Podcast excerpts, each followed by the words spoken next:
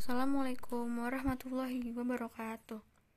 Saya Lihari Andini dari kelas 12 IPA 2 Kali ini saya akan membuat podcast tentang peranan bioteknologi dalam mengatasi pandemi virus corona. Pada Desember 2019, dunia internasional dihebohkan dengan penemuan virus baru yang disebut corona. Tepatnya, virus ini ditemukan di Wuhan, Tiongkok Bersumber dari media, Awal mula penyebarannya, virus tersebut diduga melalui konsumsi daging kelelawar. Beberapa bulan kemudian, kasus tersebut menjadi isu internasional karena penyebarannya yang begitu cepat ke berbagai negara. Organisasi Kesehatan Dunia atau WHO sendiri menyatakan lebih dari 100.000 kasus di dunia internasional yang mengakibatkan kematian lebih dari 3.000 orang.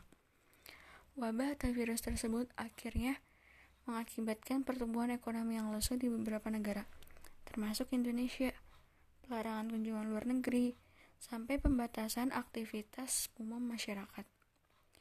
Hingga saat ini, masih belum ditemukan obat ampuh atau vaksin untuk mengatasi virus corona. Namun, baru-baru ini sebuah penelitian menyebut bahwa lintah bisa mencegah virus corona di masa depan. Binatang pengisap darah ini dikatakan bisa memprediksi adanya virus yang ditularkan dari hewan ke manusia, termasuk virus corona. Ini diungkap oleh ilmuwan dari University of East Anglia yang mengaku menggunakan metode bioteknologi terbaru untuk berhasil menemukan ini. Pemimpin penelitian, Profesor Dong Hlasio, telah meneliti 30.000 lintah dalam lima tahun untuk mencari tahu keberadaan hewan liar yang merupakan tempat virus berkembang biak. Setelah itu, virus bisa berpindah ke hewan atau manusia. Menurut Yu, saat lintah menghisap darah hewan liar, ia dapat mengetahui kondisi hewan tersebut. Setelah dihisap, DNA dari darah itu diekstraksi untuk mengetahui hewan yang dihisapnya, seperti rusa, kera, bahkan berbagai jenis burung.